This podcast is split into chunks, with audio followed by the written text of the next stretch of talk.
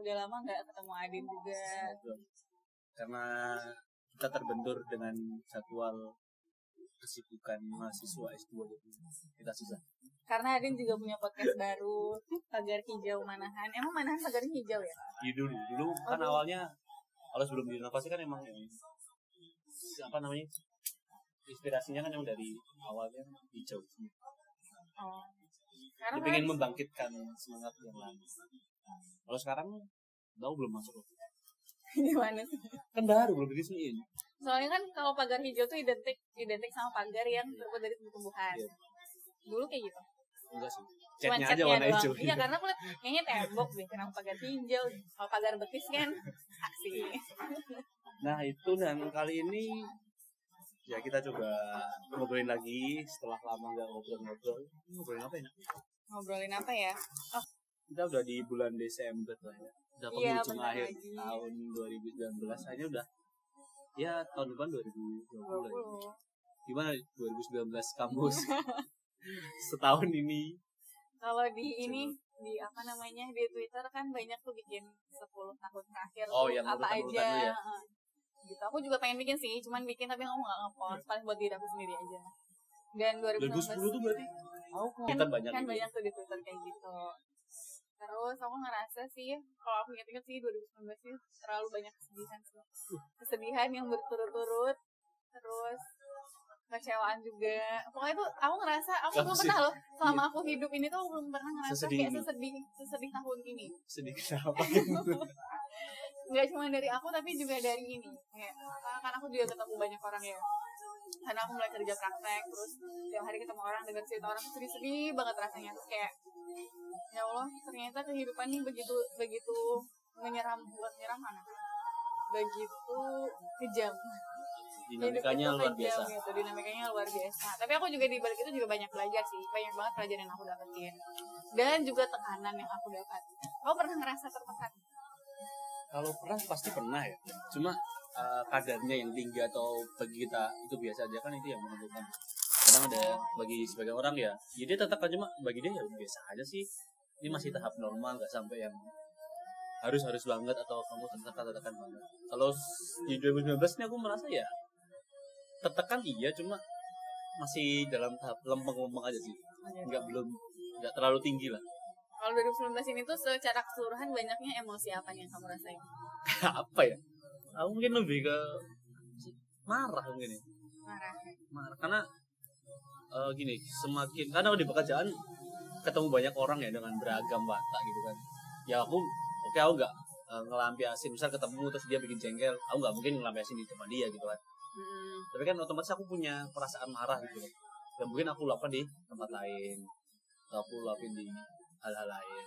Tapi ya secara ini emosi terbesar kayak di marah jadi kayak tingkat emosi itu tinggi di tahun ini daripada tahun-tahun sebelumnya. Aku merasa gitu tahun sebelumnya aku masih bisa ya udah ngerem atau biasa aja. Oh atau karena tahun sebelumnya itu yang tahu cuma apa aja gitu. Bisa jadi sih. Tapi emang 2019 tuh kayak sesuatu banget sih buat aku. Biasanya tahun-tahun biasanya tuh ya udah biasa aku aja sehat tapi ini tuh ngerasa benar-benar ada emosi yang dominan. Kamu biasa kalau marah kemarin-kemarin ngapain? Ya miso lah pasti gitu. Oh miso. Miso itu pasti membuat cuma ya kadang kadarnya aja sih. Dan kesiapannya kesiapannya itu loh. Ini nggak mungkin kan kalau aku marah di depan orang langsung aku miso nggak mungkin. Mungkin aja sih Kalau soalnya aku sih- banyak sih, orang Iya. kayak gitu. Iya cuma ya biasanya kalau di jalan teriak oh gitu. Oh nggak apa-apa sih Din ya orang nggak denger juga. Kan tutup helm. Besoknya tahu. Aku, eh, dari obrolan kita berdua tuh aku mengapresiasi diri aku dan diri kamu juga. Karena berani mengungkapkan emosi-emosi negatif. Biasanya kan orang kalau ditanya perasaannya gimana tuh jarang banget ya. Banyaknya tuh hmm, menekan emosi-emosi negatif. Biasanya tuh cuma mau nunjukin lagi senang terus bahagia. Tapi kalau sosial media pasti di dunia lagi seneng sih. Iya ya Heeh. tapi beda kalau WA stories nggak beda ya kayaknya. Itu kok itu tuh di filter biasanya. Oh gitu ya, di siapa filter yang ya. bisa yang bisa lihat ya betul. Kalau- Kalau Instagram di Twitter cuma kelihatan ini soalnya Iya, plus iya, lain gak iya, enak. ada hijau-hijaunya kan. Kalau WhatsApp kan nggak tahu. Iya. Jadi cuma satu orang. Bisa jadi. oh iya benar aku pengen ngatain-ngatain kamu nih. Aku bikin cuma kamu aja yang lihat. Iya yang ya artinya ya tahun ini mungkin bagi kalau kita ya selesai setelah selesai kuliah lah. Saya kira 2017 ya? Aku 2017 wisuda Aku 18 ya? Oh kamu 2018 maksudnya udah fase setelah setelah selesai satu gitu jadi hmm. ini agak banyak agak banyak sedikit berbeda lah apalagi udah masuk kuliah pekerjaan kalau aku. Dibanding dengan sebelumnya waktu masih mahasiswa. Oh kan juga kadar emosinya kan pasti beda. Iya sih. Case em- case kenapa aku emo- emosi kan beda. Iya. kan peristiwanya beda ya. Tuntutannya juga semakin semakin gitu tanggung jawabnya juga semakin nambah. Kan lebih lagi? Lebih mandiri. Sudah melewati quarter life crisis ternyata ada lagi Ada, gitu. ya. nggak habis-habis ya kehidupannya ya emang gitu. tapi aku juga bersyukur di 19 itu aku banyakin sih. Ngambil hikmah. Kayaknya kamu sepanjang hidup kamu emang banyak Gitu ngambil ya?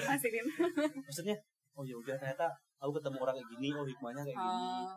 Oh, oh berarti aku nggak jangan kayak gini oh yang lainnya lah. Artinya ada pelajaran yang pasti dipetik.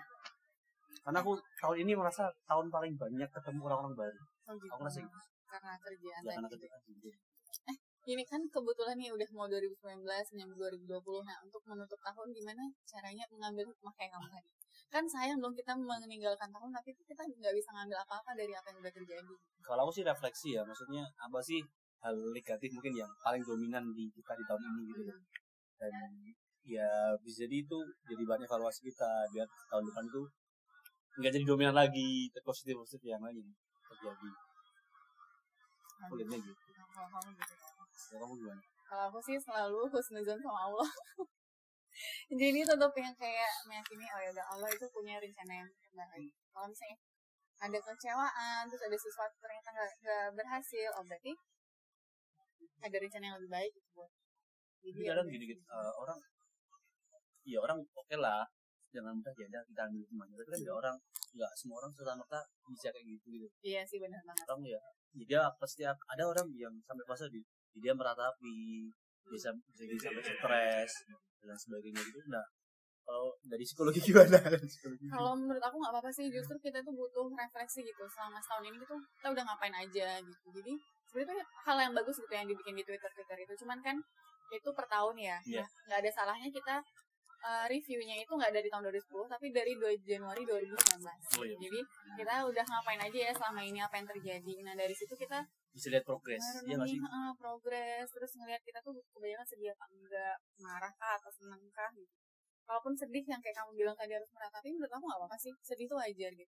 Wajar dong ketika kamu disakiti kamu sedih. Aduh. Justru kalau kamu disakiti kamu ketawa-tawa itu aneh gitu menurut aku. Jadi nggak apa-apa sedih ya sedih aja gitu. Yang penting kan jangan berlarut-larut. Jadi sedih dominan nih ratapi dulu. Hmm, mungkin bisa jadi sedih kecewa gitu. Banyak lah gitu. Terus ini ngomongin ini ya. Oh, iya, buat ini 2019 gitu. Terus dilihat lagi udah ngapain aja gitu. Kalau sedih ya nggak apa-apa sedih yang penting tuh bangkit gitu. Kayak apa yang aku rasain sekarang juga gitu. Nggak peduli gimana perasaan aku besok ketemu orang ya harus ketemu orang gitu. Nggak peduli gimana pan- perasaan aku besok harus ngumpulin laporan ya udah harus dikerjain kayak gitu gitu jadi itu sebenarnya juga nggak apa-apa sih. Itu namanya kalau di psikologi itu behavioral activation. Jadi apa pun perasaan yang kamu rasakan sedih cenderungnya sedih ya sedih males mager ya udah kita memaksakan diri untuk beraktivitas seperti biasa. Jadi bukan toxic tapi dia men- menutup banget dong kayak membohongi diri sendiri loh. Enggak sih sedihnya tetap dirasakan tetap diterima. Iya aku lagi tapi dia sedih. nggak menampakkan ke orang lain. Siapa bilang? Kan tetap bisa misalnya nih kamu sedih nih tapi kamu harus tetap ngerjain ya. Udah kamu ngerjain sambil sedih gitu. Enggak maksudnya kayak misal dia misalnya ya orang sedih nih terus dia lagi kecewa atau apa terus dia kemudian kerja. Nggak mungkin dia juga menunjukkan itu. Edit pos- pos- gitu proses kayak bohongin nggak sih? Atau Hmm, apa kalau mungkin dibilang bohongi mungkin lebih ke ini ya. Eh, kalau menurut aku nih kamu misalnya ketemu orang terus kamu tetap sedih menurut aku nggak apa-apa. Tapi ada juga kan yang nggak mau ya. Ya itu berarti dia cuma lagi memainkan peran yang lain aja. Gini kita tuh nggak nunjukin kesedihan bukan berarti kita bohongin gitu. Oh, yang penting tuh menurut aku adalah kita menerima kesedihan itu. Kita ngakuin kita emang lagi sedih. Iya aku kecewa gitu. Iya aku sedih karena kemarin nggak berhasil. Iya aku kecewa karena tadinya gagal gitu itu sih yang penting. Tapi kalau aku mungkin soal tadi ya kita kemudian bisa ambil banyak hikmahnya itu kita jadi banyak belajar dan aku merasa terpukul oke ya mungkin aku di satu sisi aku tambah emosi ya. cuma dari sisi aku jadi kayak merasa mudah memaafkan.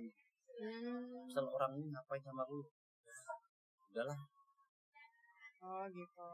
Jadi dari mengidentifikasikan emosi tadi kamu jadi tahu oh oh, kenapa? udah, kamu jadi akhirnya maaf meskipun tetap ya kalau bisa sakit mesti kan kayak lubang apa nih di, di pukul kan bekasnya masih ada ya meskipun bisa senang terbentur terbentur.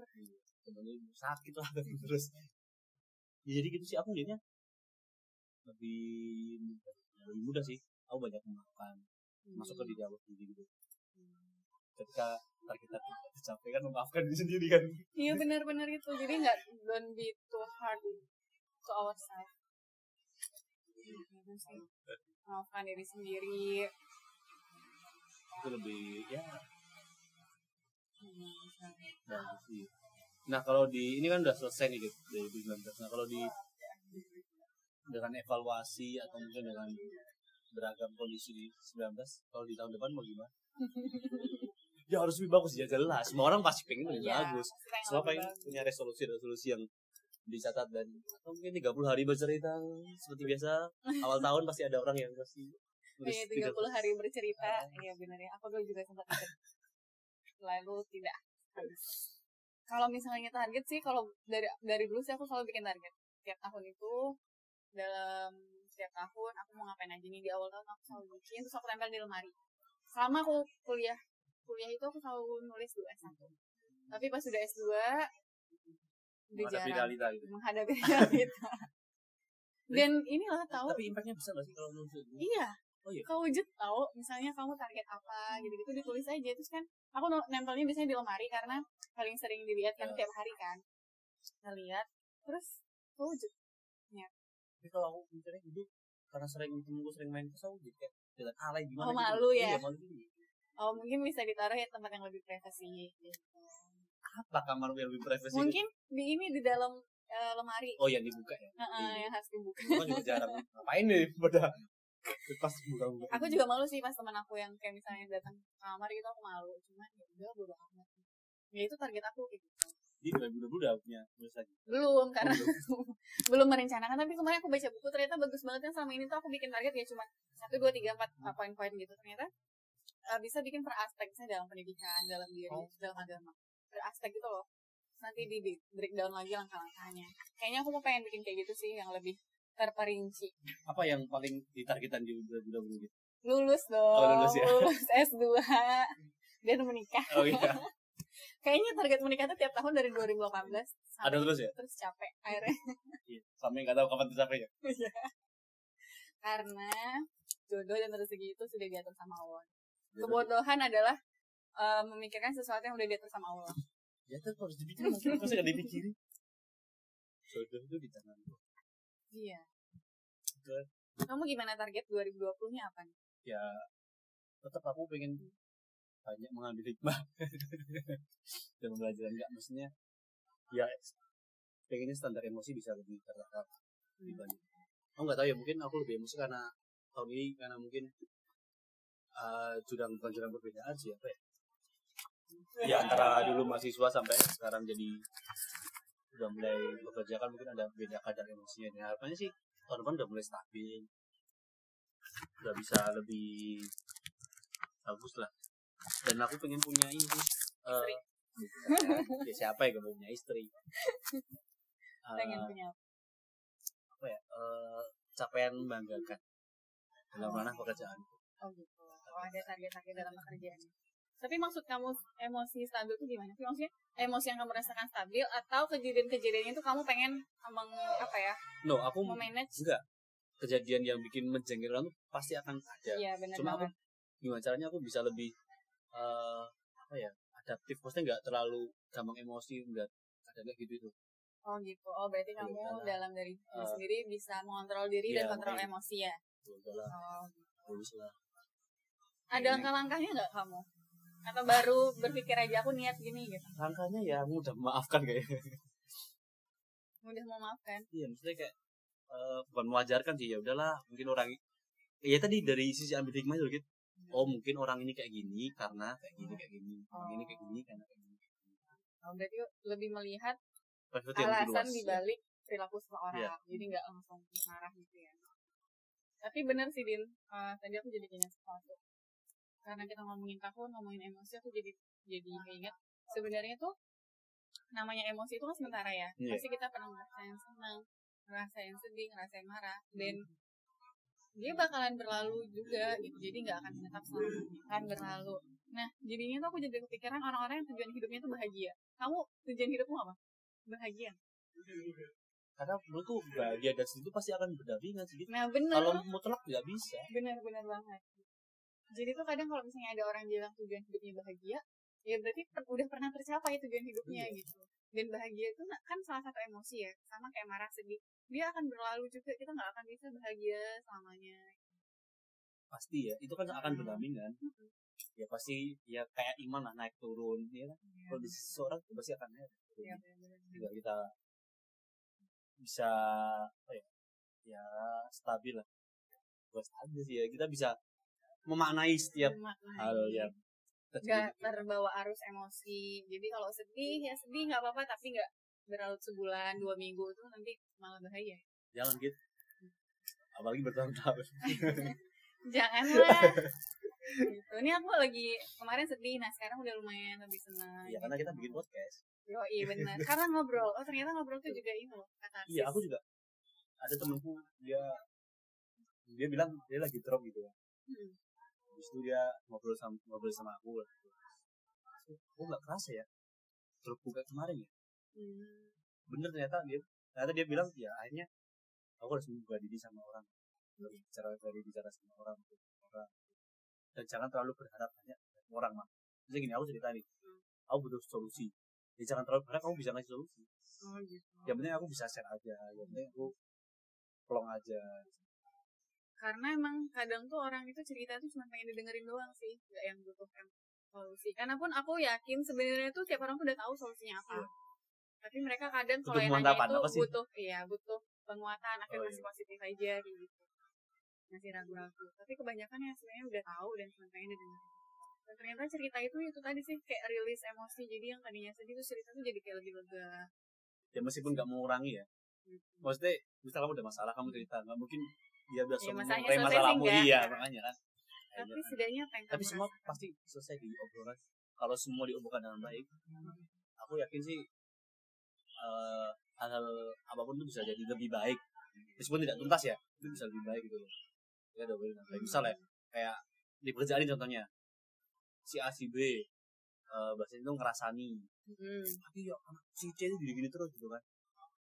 Tapi kalau kita si A si B gak pernah ngomong sama si C itu gak, gak akan selesai Iya benar. Iya kan akhirnya kita harus ngobrol. Kamu lo harusnya gini gini gini gini. Meskipun habis itu mungkin ada, yang saling marah dan sebagainya, tapi jelas kamu pengennya apa, dia pengennya apa. Gak semua orang berani menghadapi masalahnya. Iya sih. Nggak berani kayak gitu. Misalnya kayak kayak tadi deh di bawah ada ngerokok kan. Sebenarnya tuh ada larangan ngerokok. Cuman kayak mau negur tuh kayak aduh ntar nambah masalah baru. Gitu sama nih ketika misalnya kita punya masalah sama orang, buat ngungkapin itu tuh kayaknya susah banget rasanya. Kayak takut. Nanti dia marah lah, makin ribet lah. Akhirnya kita mendem sendiri ujung-ujungnya. Aku juga pernah, aku bukan pernah sih. Mungkin sedang ya. Aku sedang bekerja sama sama beberapa teman di bagian A contohnya. Terus aku juga bekerja sama dengan salah satu dari eh, orang yang di kelompok ini di pekerjaan B. Mm-mm. ternyata aku bermasalah nih dia sama aku bermasalah di pekerjaan Iya. nah yang aku hadapi sekarang adalah aku gimana caranya aku tetap bisa menyelesaikan masalah dengan si dengan di pekerjaan B tanpa harus pekerjaan yang ini tuh kena gitu Hmm.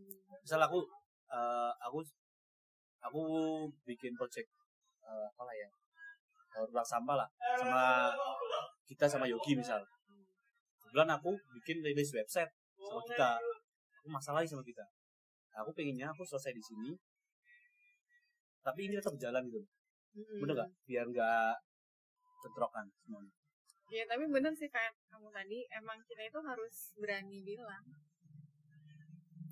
caranya. Tapi nggak semuanya. Hah? nggak semuanya bisa. Nah ada konsekuensi emang. Jadi kalau misalnya kamu berani bilang ya masalahnya selesai gitu. Setidaknya kita tahu nih ada masalah. Terus kita mencoba untuk menyelesaikan tapi kalau kamu emang nggak bisa ya udah berarti konsekuensinya adalah kamu menanggung kamu bisa nggak live with that gitu misalnya kamu bisa nggak sih tetap kerja dengan eh, sama rekan kerjanya tapi ada masalah gini kalau kamu nggak apa-apa dengan cara kayak gitu ya udah nggak apa-apa. aku sedang latihan gitu karena di beberapa podcast aku sedang beririsan di gitu karena aku kadang harus bekerja sama dengan orang itu padahal di belakang layar atau di tempat lain aku sudah bermasalah dengan orang itu. Nah, itu kan berarti uh, masalah profesional dalam Hmm, pekerjaan. iya, Dan yang makanya itu. kerjaan, masalah yang masalah gitu. Kecuali masalahnya itu di, terkait pekerjaan. Ah, nah, itu itu beda mungkin lagi. benar harus ya harus diomongin ya. Tapi terkait dengan kita ada masalah pribadi, ya balik lagi kita kerja profesional itu yang pertama. Yang kedua, nggak nggak semua yang kamu nganggap masalah tuh dia dianggap tuh masalah sama dia kayak gitu. Jadi kadang yang nganggap masalah tuh cuman kita aja. Ya Gitu. udah. Kadang itu cuman kadang cuman perasaan kita aja atau misalnya standar kita aja. Misalnya kita nggak suka sama orang yang bawel. Hmm. Nah itu kan sebenarnya jadinya masalah kita Iya. gitu kalau kita nggak suka sama dia. bener ya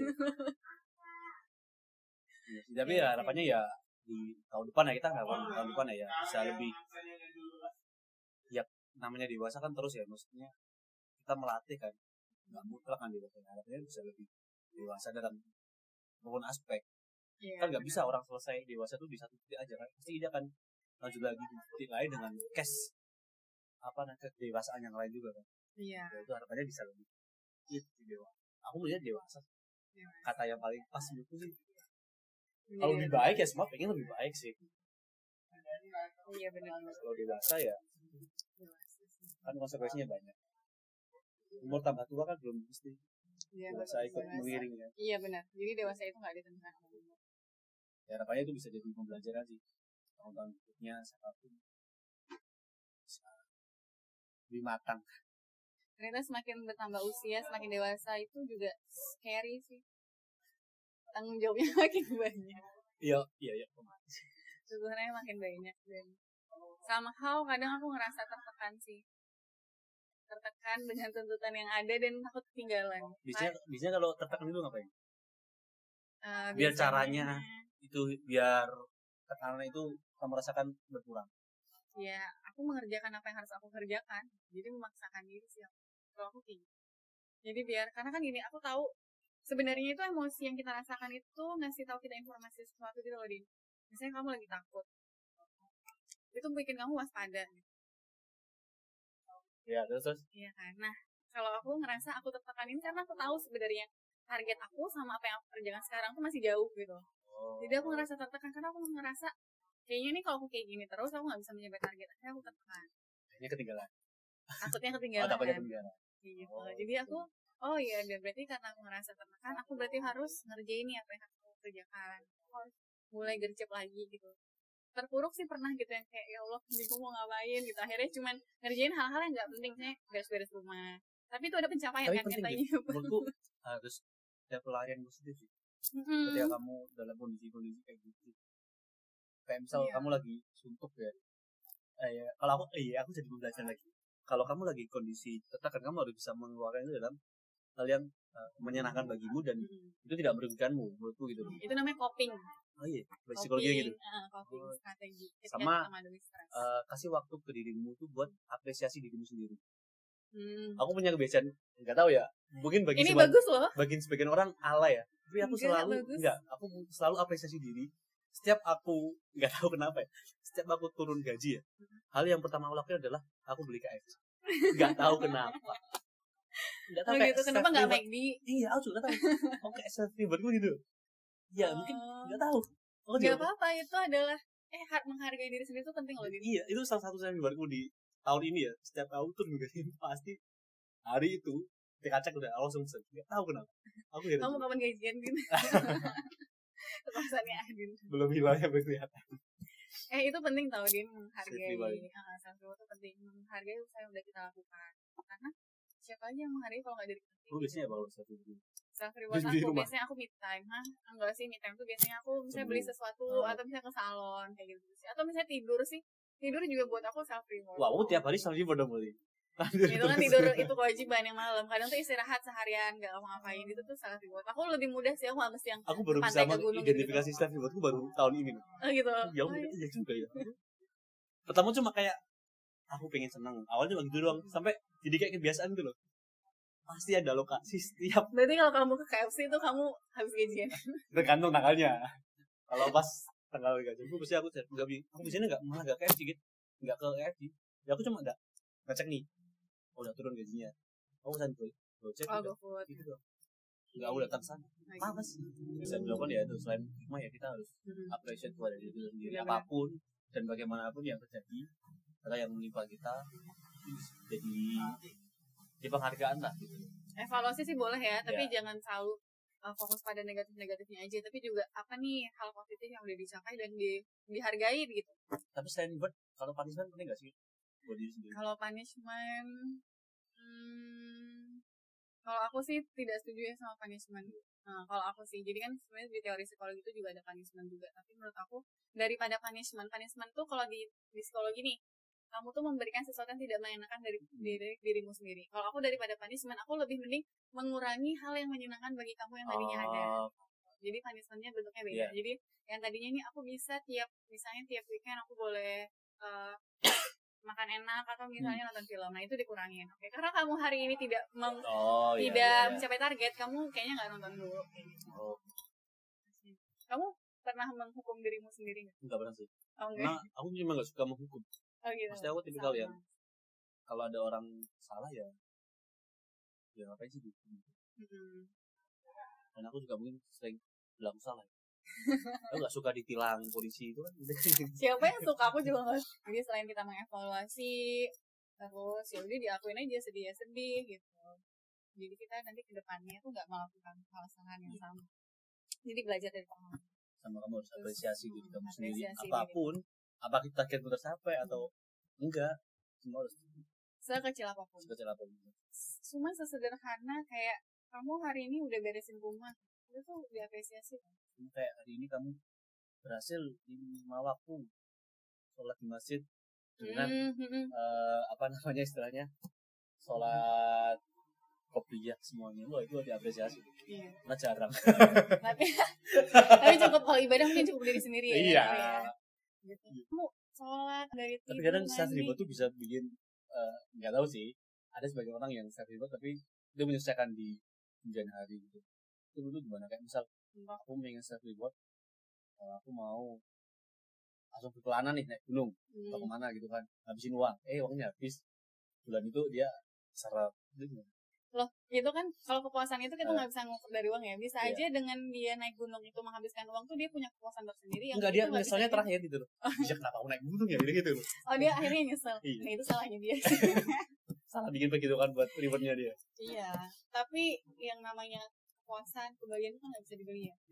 Dan itu gak dia bisa nggak bisa Heeh, dan itu dia nggak bisa ganti juga. Misalnya Iya. kita ngasih dia uang lima ratus ribu misalnya dia kehilangan lima ratus ribu karena dia naik gunung. Tapi apakah lima ratus ribu itu bisa kemarin mengganti kepuasan yang udah dia capai kemarin? Gitu sebenarnya. Sama kayak ini apa sih? Iklan apa sih? Eh, yang uangmu udah buat apa sih? Nonton konser oh itu. Atau- bikin apa gitu kan? Iya kamu tuh ya kalau itu rewardnya nggak masalah sih. Kan Uh-uh. pengalaman kan itu pengalaman. Pengalaman nggak bisa dibeli buatku pengalaman nggak bisa dibeli. Iya benar banget. Kayak ya udah aku nonton harga segini oke Hmm. ini mungkin bulan ini aku harus ekstra nih eh, mepet makannya tapi aku bisa nonton konser apalah di Jakarta atau apa. Iya, di- kayak teman aku juga dia mereward dirinya dengan nonton konser. Yang agak mahal mungkin Nah, bagi kita tapi bagi iya. dia itu dia puas why not gitu. Dia sanggup selain reward ya harapannya kalau aku sih tetap ada alokasi buat orang lain. Hmm. kalau aku diajari sama orang tua tuh kalau kamu susah eh infak setiap hari sisihin terserah berapa seribu atau berapa dikum satu tempat setiap Jumat itu kamu kasih Ya ampun itu ide yang bagus banget makasih Adin. Jadi misal- kalau laki-laki mungkin enak ya maksudnya eh, dia setiap Jumat pasti bisa di- bisa nyumbang ya tapi kalau yang perempuan bisa jadi gitu dia bikin apa atau kasih orang. Hmm. biar gak susah gitu setiap hari satu cara kan tuh seribu seribu kan ya, seminggu tujuh ribu nih jadi bisa di hanya kalau mau seribu. Berbagi untuk lain juga penting kan ada bagian Iya. dari orang lain di klien ya bener banget. Kalau aku biasanya ke parkir sih jadi parkir kok aku lebih ini kalau nggak nggak apa-apa cuma kasih ke pengamen masalah. Hmm, pengamen. Niatnya itu sih diniatin. Iya kayak kalau nggak ibu-ibu yang jualan di apa namanya bang bangjo. Sama tuh kadang juga kalau misalnya aku pergi ke tempat makan yang misalnya dia deret tuh ah iya. banyak yang Contohnya kayak rame gitu. Aku yang milih yang sepi. karena kasihan. Dia atau karena dia iri pengen sendiri ya enggak kan. Tuh kasihan tau ngeliat yang sebelahnya rame banget kan. Gimana ya perasaan gitu sih. Oh itu berarti yang di 2019 mungkin yang bisa diteruskan nanti 2020 20. dimulai lagi. Jadi ada target jadi target-target kayak cuma buat diri sendiri tapi juga bukan Siap. karena katanya harta kita itu adalah yang di sebelah kanan nah bukan yang paling punya kita. berharga adalah? Yang di keluarga. Surat tanah lah. Gara surat tanah tuh keluarga bisa hancur. Oh gitu. Iya. Jadi lagu keluarga Ismara itu salah. Salah. Agama yang berharga tuh surat tanah. Iya. ya itu sih intinya di tahun ini mungkin teman-teman semuanya punya dinamika masing-masing lah. Hmm. punya situasi dari perasaan dan kondisi yang ditimpa di 2019 mungkin beragam. Namanya ya ini jadi eh, acuan lah batu loncatan buat tahun depan bisa lebih pasti lebih apa sih? Lebih dewasa lagi. Lebih dewasa lagi. karena kalau baik tuh tiap hari Iya, dewasa juga dewasa lagi lebih enjoy menikmati hidup. Iya, dan ya ya menikmati hidup bener. Sel- selamat menyambut 2020 Iya. pokoknya eh, sejatuh apa pun 2019 ini buat kamu buat kalian Iya. semua pokoknya jangan patah semangat untuk menyambut 2020 kita Iya. selalu punya kesempatan lagi siap itu buat diri sendiri ya ya di sini oke itu eh, di episode kali ini mungkin Iya. agak melebar kanan kiri nanti ya harapannya bisa jadi pembelajaran buat kita pribadi maupun buat teman-teman semuanya. Sampai jumpa di podcast selanjutnya kita dari Anda episode selanjutnya. Terima kasih. Assalamualaikum